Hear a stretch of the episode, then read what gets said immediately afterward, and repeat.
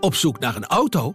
Op gaspedaal.nl zoek en vergelijk je op meer dan 40 autosites tegelijk. Je zoekt op de grote autoportalen en bij de autodealer om de hoek. Je hebt het grootste aanbod en maakt daarom de beste vergelijking. En zo mis je nooit meer een auto. Zoek en vergelijk op gaspedaal.nl. Dit is een aanslag op onze rechtsstaat. Wiersum was de advocaat van Nabil B., kroongetuige in het liquidatieproces rondom topcrimineel Ridwan Taghi. Elke moord is heel erg, maar als deze moord te maken heeft met de verklaringen die zijn afgelegd door de kroongetuigen, is het nog erger. Welkom bij een nieuwe aflevering van de Taghi-podcast van Het Parool. Mijn naam is Corrie Gerritsma en naast mij zitten misdaadverslaggevers Paul Vugts en Wouter Laumans. Het Marengo-proces nadert het uur U en binnenkort maakt het Openbaar Ministerie de strafeisen bekend. Dat er een aantal keer levenslang geëist zal gaan worden, staat vast. Maar voor sommige verdachten zit er mogelijk meer licht in de zaak. Een van hen is Mohammed El Aissawi. Hij wordt door justitie beschouwd als een belangrijke speler in de organisatie van Ridouan Taghi en hij vroeg de rechtbank onlangs om zijn voorarrest te schorsen. Wouter, wie is deze Mohammed? Ja, hij is, hij is een jongen uit het, een dertiger, een jongen uit het Utrechtse, uh, die zo, nou ja, ergens iets meer dan tien jaar geleden uh, via familie in aanraking is gekomen uh, met Ridouan Taghi, naar eigen zeggen. en in de organisatie van Taghi aanvankelijk zich bezig hield met drugshandel en steeds en hij vertelt bij, uh, bij het Openbaar Ministerie dat, dat hij steeds verder in de organisatie van uh, Ridwan Taghi getrokken werd. Dus dat hij uh, steeds een beetje meer informatie kreeg over bijvoorbeeld op handen zijnde moorden en andere, andere geweldzaken. En ja, dat is ook wel omschreven ook door ons als de methode Taghi. Hè. Die heeft hij een beetje ja. verteld van joh, ik gleed eigenlijk langzamerhand in een soort hellende scha glijdende schaal in, in die organisatie van, van Taghi. En uh, ik heb de, de, de strategie gekozen om altijd uh, uh, hem niet van me af te stoten, omdat dat mogelijk gevaarlijk voor mij zou zijn. Dus ik heb, ben altijd met hem gaan meepraten. En in die hoedanigheid ben ik heel, op heel veel, van heel veel dingen die Tachi mogelijk van plan was, op de hoogte ge Precies, want hij vertelde toen een beetje van, omdat je steeds meer informatie krijgt, word je eigenlijk een soort medeplichtig en wordt het steeds moeilijker om daar dus nee tegen te zeggen of daar uit te komen. Ja, en overigens, hè, hij is nog steeds uh, heel beducht voor het noemen van uh, de naam van Ridwan Taghi. Die noemt hij ook niet. Dus uh, in eerdere stukken valt te lezen dat hij hem 26C noemt. En dat is naar aanleiding van een PGP-telefoon die aan Ridwan Taghi wordt toegeschreven. Dus ik had contact met 26C. Hij, zei, hij, hij wil de naam van Ridwan Taghi niet noemen. Mm -hmm. en dus wordt het op die manier eigenlijk ondervangen. Maar even, hij zit nu wel volgens mij ook met Ridwan Taghi tegelijk in de rechtszaal. Zeker, zeker. Ja. Dus hij wordt ook echt wel beschouwd als een medeverdacht. Ja. En um, hoe dichtbij stond hij dan bij Taghi? Kunnen we daar iets van zeggen? Want hij komt erin voor, maar zegt zelf dat hij niet echt met hem heeft samengewerkt, zeg maar. Ja, dat is, dat is volgens mij het uh, onderdeel van het hele dispuut tussen hem en het uh, Openbaar Ministerie. Hij zegt, joh, ik, ik stond daar uh, een beetje, ik, probeer, ik heb wel meegepraat, maar niet echt meegedaan. Sterker nog, ik heb geprobeerd om, om mensen te beschermen. Te, en het Openbaar Ministerie zegt, ja, dat is, dat is allemaal mooi en aardig. Maar wij denken dat jij toch wel heel wat meer op je kerfstok hebt. En dat jij echt ook bent betrokken bij levensdelicten of de voorbereiding daarvan. Hij wordt uh, beschouwd als een uh, lid van de criminele organisatie. En hij wordt bijvoorbeeld gelinkt aan de voorbereiding van de moord op uh, Ranko Skekic. een Montenegrijnse Utrechter die is geliquideerd in, door deze, volgens het Openbaar Ministerie, door de organisatie van, van Tachi. Uh, we moeten zeggen dat uh, de rechtbank in een uh, eerder stadium daar vooralsnog onvoldoende steun voor heeft gezien in, de, in het dossier. Dus hij zit niet meer vast voor die zaak Ranko Skekic. Wel voor de criminele organisatie mm -hmm. en voor wat andere zaken. Maar hij is daarmee nog steeds wel een belangrijke verdachte. Het, het OM beschouwt hem als iemand die in, een belangrijke rol in die groepering heeft gespeeld. Ja, en hij zit dus al drie jaar in voorarrest. En waarom is er nu dan beweging? Waarom gaat hij nu praten? Hij ehm, stelt dat hij een, uh, zijn leven wil beter, dat hij het rechte spoor heeft uh, uh, gevonden en hij wil een stichting opzetten voor, waarbij hij jongeren uit de criminaliteit wil houden. Hij zegt het is afschuwelijk wat mensen zoals ik meemaken, wat mensen zoals ik, waar we in belanden. Hij, hij geeft wel toe dat hij fors in de drugshandel heeft gezeten. Maar hij zegt dat hij absoluut nooit met liquidaties te maken heeft willen hebben. En dat hij daar echt een broertje dood aan, aan heeft. Maar dat organisaties die in drugs handelen onmiskenbaar uiteindelijk dat pad ook kunnen gaan bewandelen. Dus ehm, dat je, als je A zegt door in de drugshandel te gaan, dat daar ook uit kan volgen B, dat er mensenlevens op het spel komen te staan. En dat zegt hij te willen keren.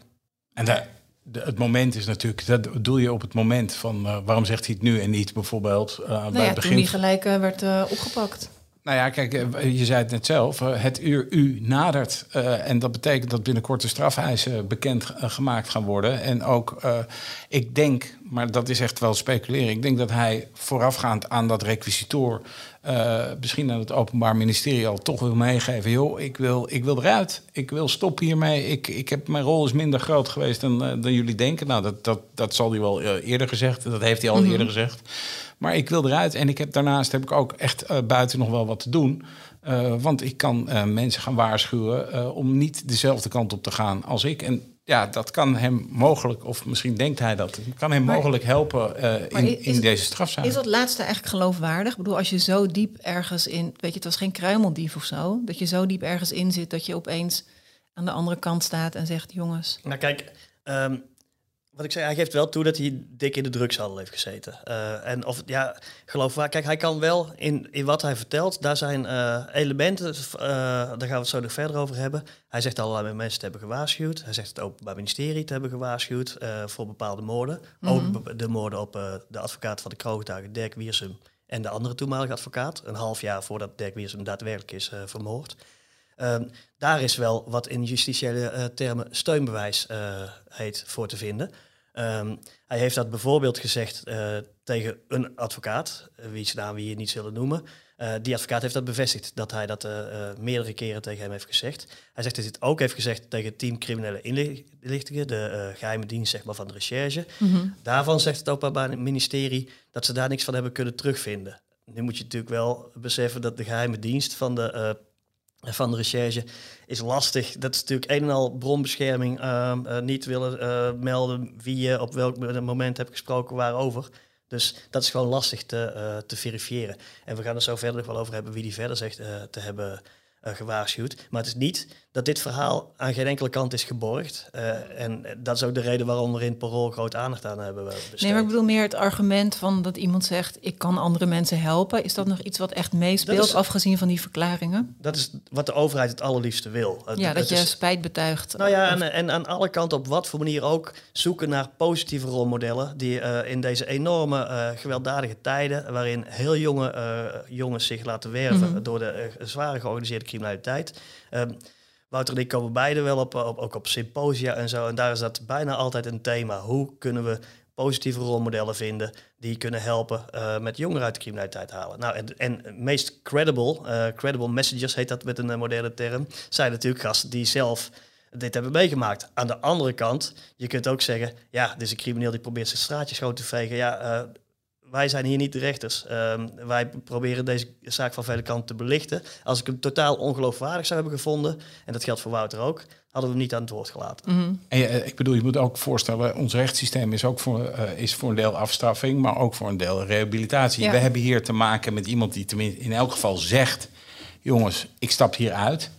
Uh, daarbij praat ik over, over zaken. Ik, ik, ik leg ook verklaringen af.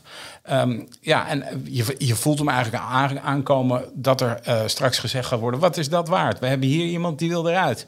Dus in de rechtbank wint iedereen zich altijd heel erg op over dat alle verdachten zwijgrecht zeggen: zwijgrecht, zwijgrecht, zwijgrecht. Hier hebben we iemand die, die zegt: die zegt, jongen, dit is mijn rol geweest. Ik heb deze dingen gedaan.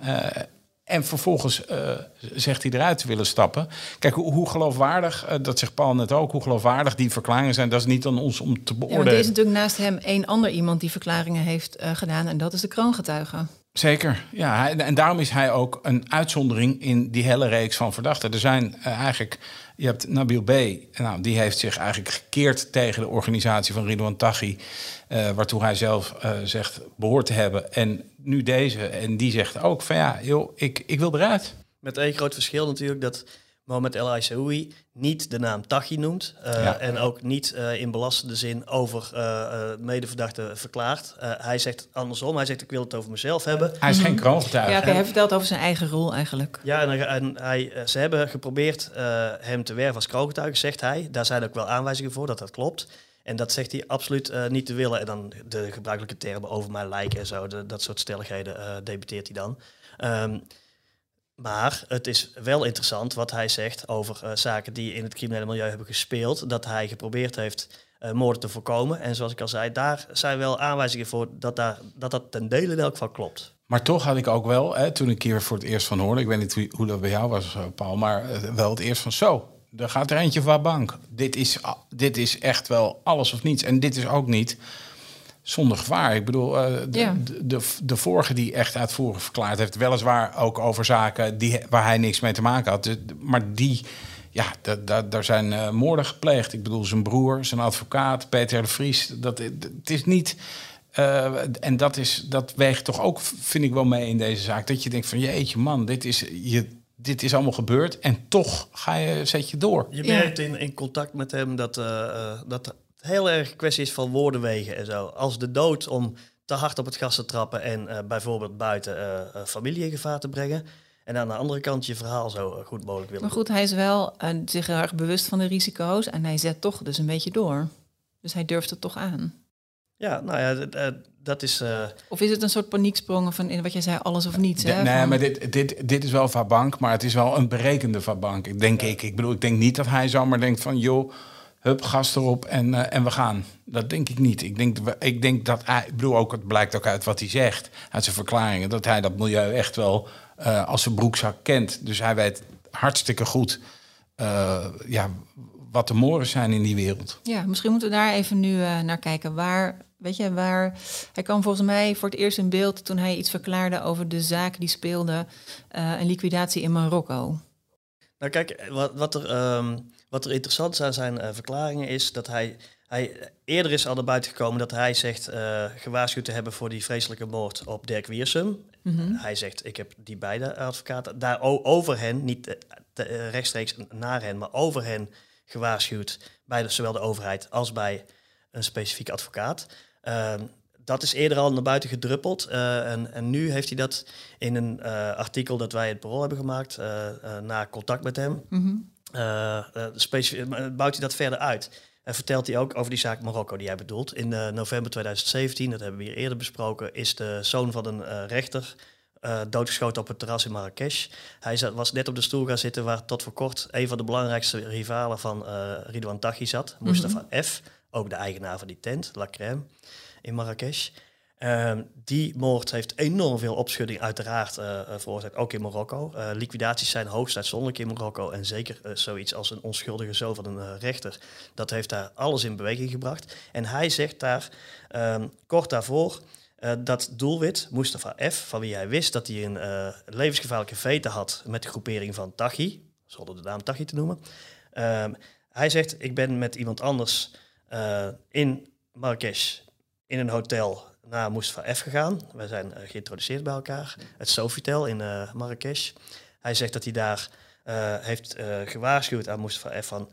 je speelt hoog spel, kijk uit, dit gaat helemaal verkeerd aflopen. Hij zegt dat vervolgens Mustafa F heel arrogant reageerde. En zei dat hij de IKEA was en zijn tegenstander, lees Taghi, ehm, eh, de Vibra.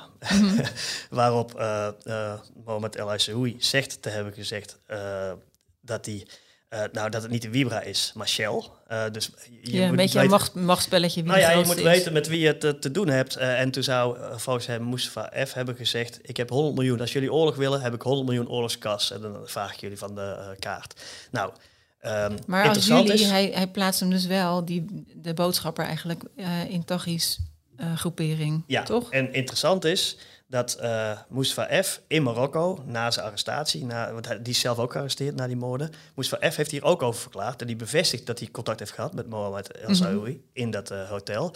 Hij zegt alleen dat hij dat zag als een soort in, in onderdeel van afpersing, als een soort laatste kans. Ze wilden hun zin krijgen en dan onder het mom van waarschuwen eh, ja, hem proberen eh, te intimideren. Hij moest, moest hij het nou ook betalen? Ja, toch? Hij, Ja, en, en dat speelde natuurlijk van- alles draait uiteindelijk om geld en zo. Dus, dus maar daar zijn ze, ze zijn niet aan dat, die stap toegekomen om daar een bedrag aan te hangen, bijvoorbeeld. Maar, maar wat wel interessant is dus dat het contact wordt bevestigd. Alleen die Mustafa die plaatst het 180 graden in een andere context.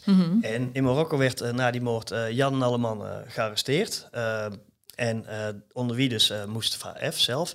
En eh, minstens één getuige heeft Mohamed El Aissaoui aangewezen als iemand die een villa zou hebben geregeld waar de schutters hebben kunnen schuilen die die moord hebben gepleegd. Uiteindelijk op die zo van die opperrechter, maar was bedoeld voor Mustafa F. Ja. En daarvan zegt hij, ja, wacht even, dat hebben wij uiteraard voorgelegd aan eh, Mohamed El Aissaoui.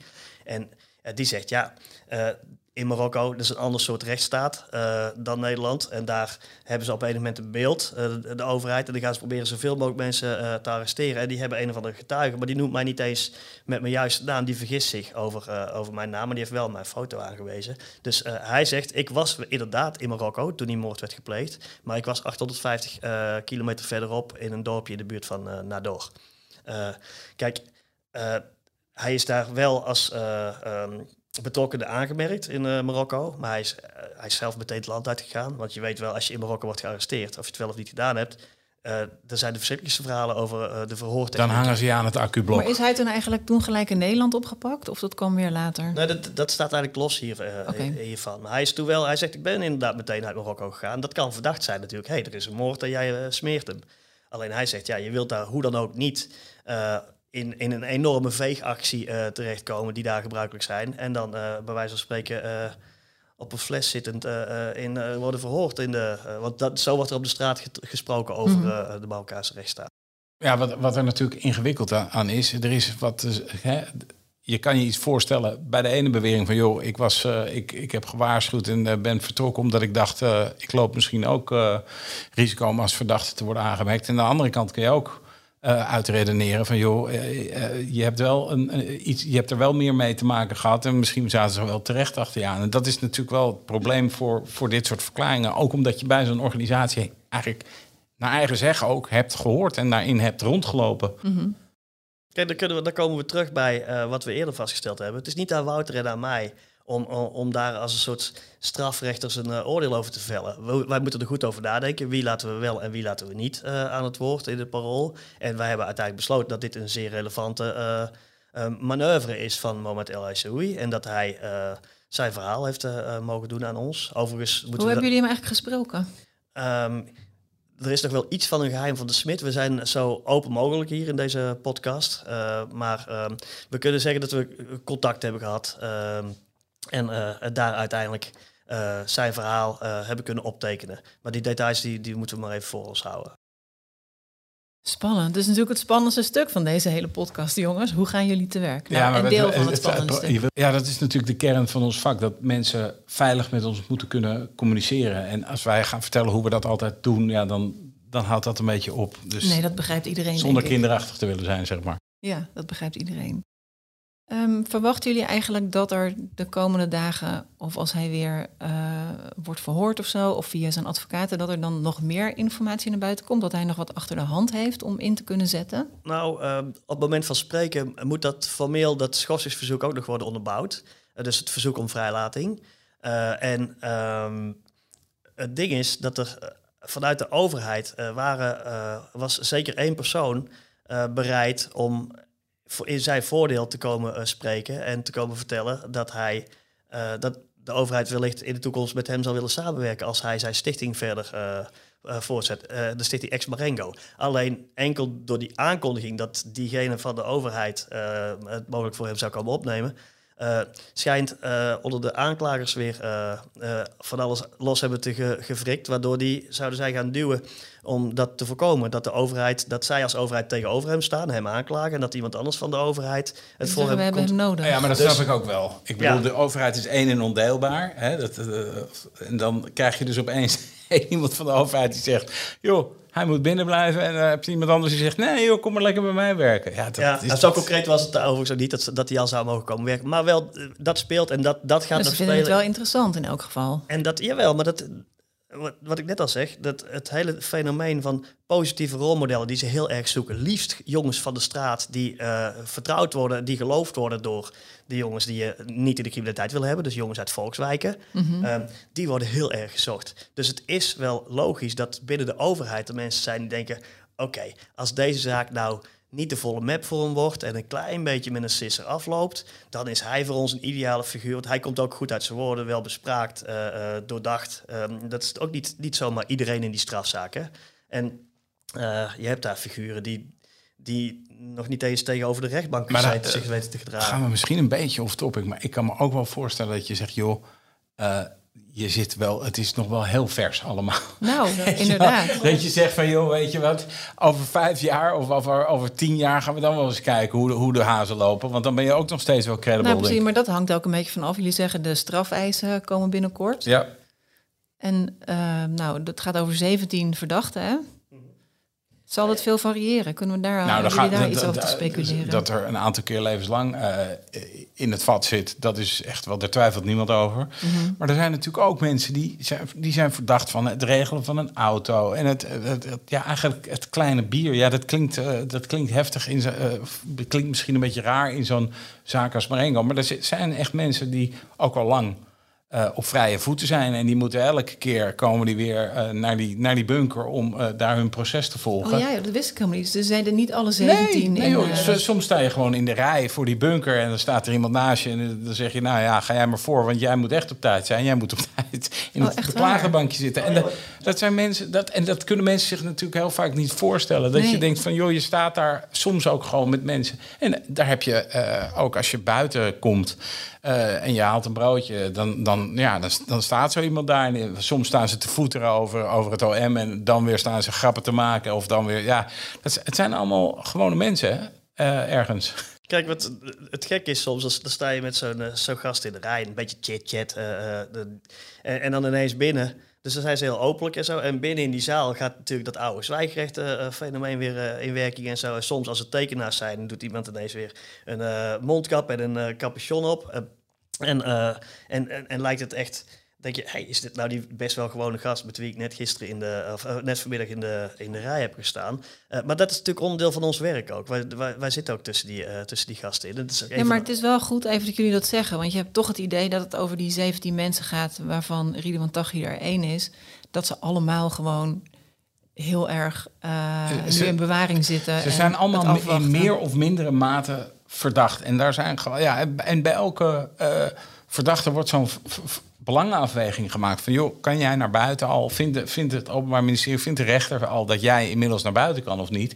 Maar ja, wat Paul zegt, soms levert dat best wel rare situaties op. Want ik kan me herinneren dat, een halfjaartje geleden was dat, dat een van die uh, verdachten aankwam.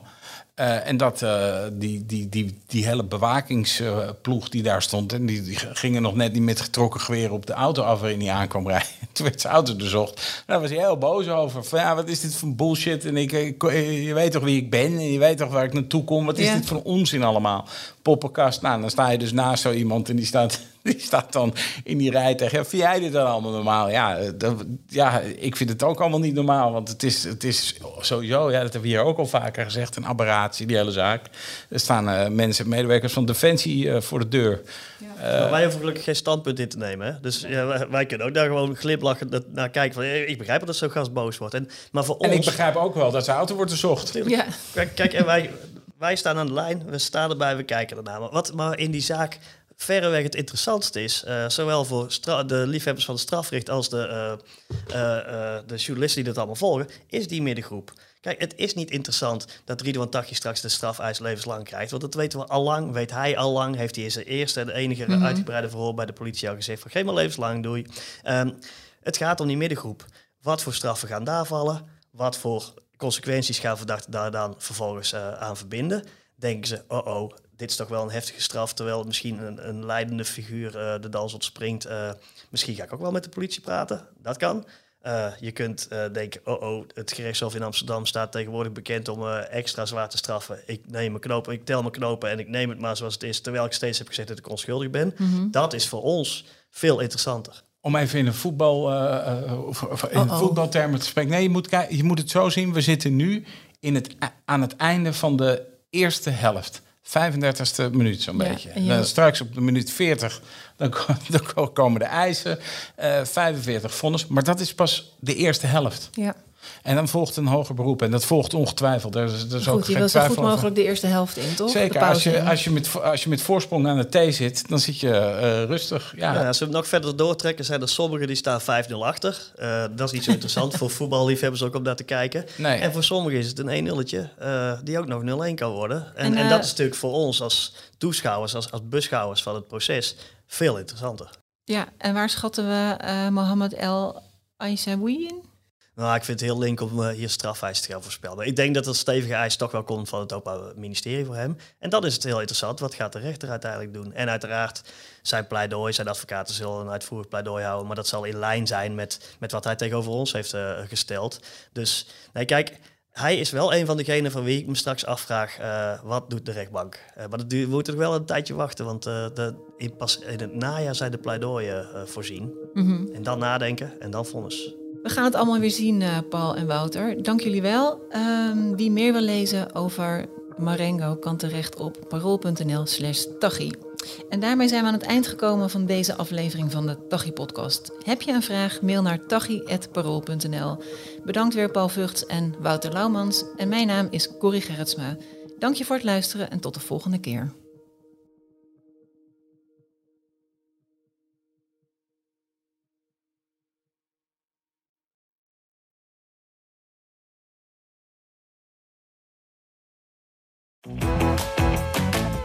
Om op pad te gaan? Leukstetickets.nl gids je naar de leukste uitjes. Een pretpark, musical, dierentuin of een nachtje weg? Start je zoektocht op leukstetickets.nl.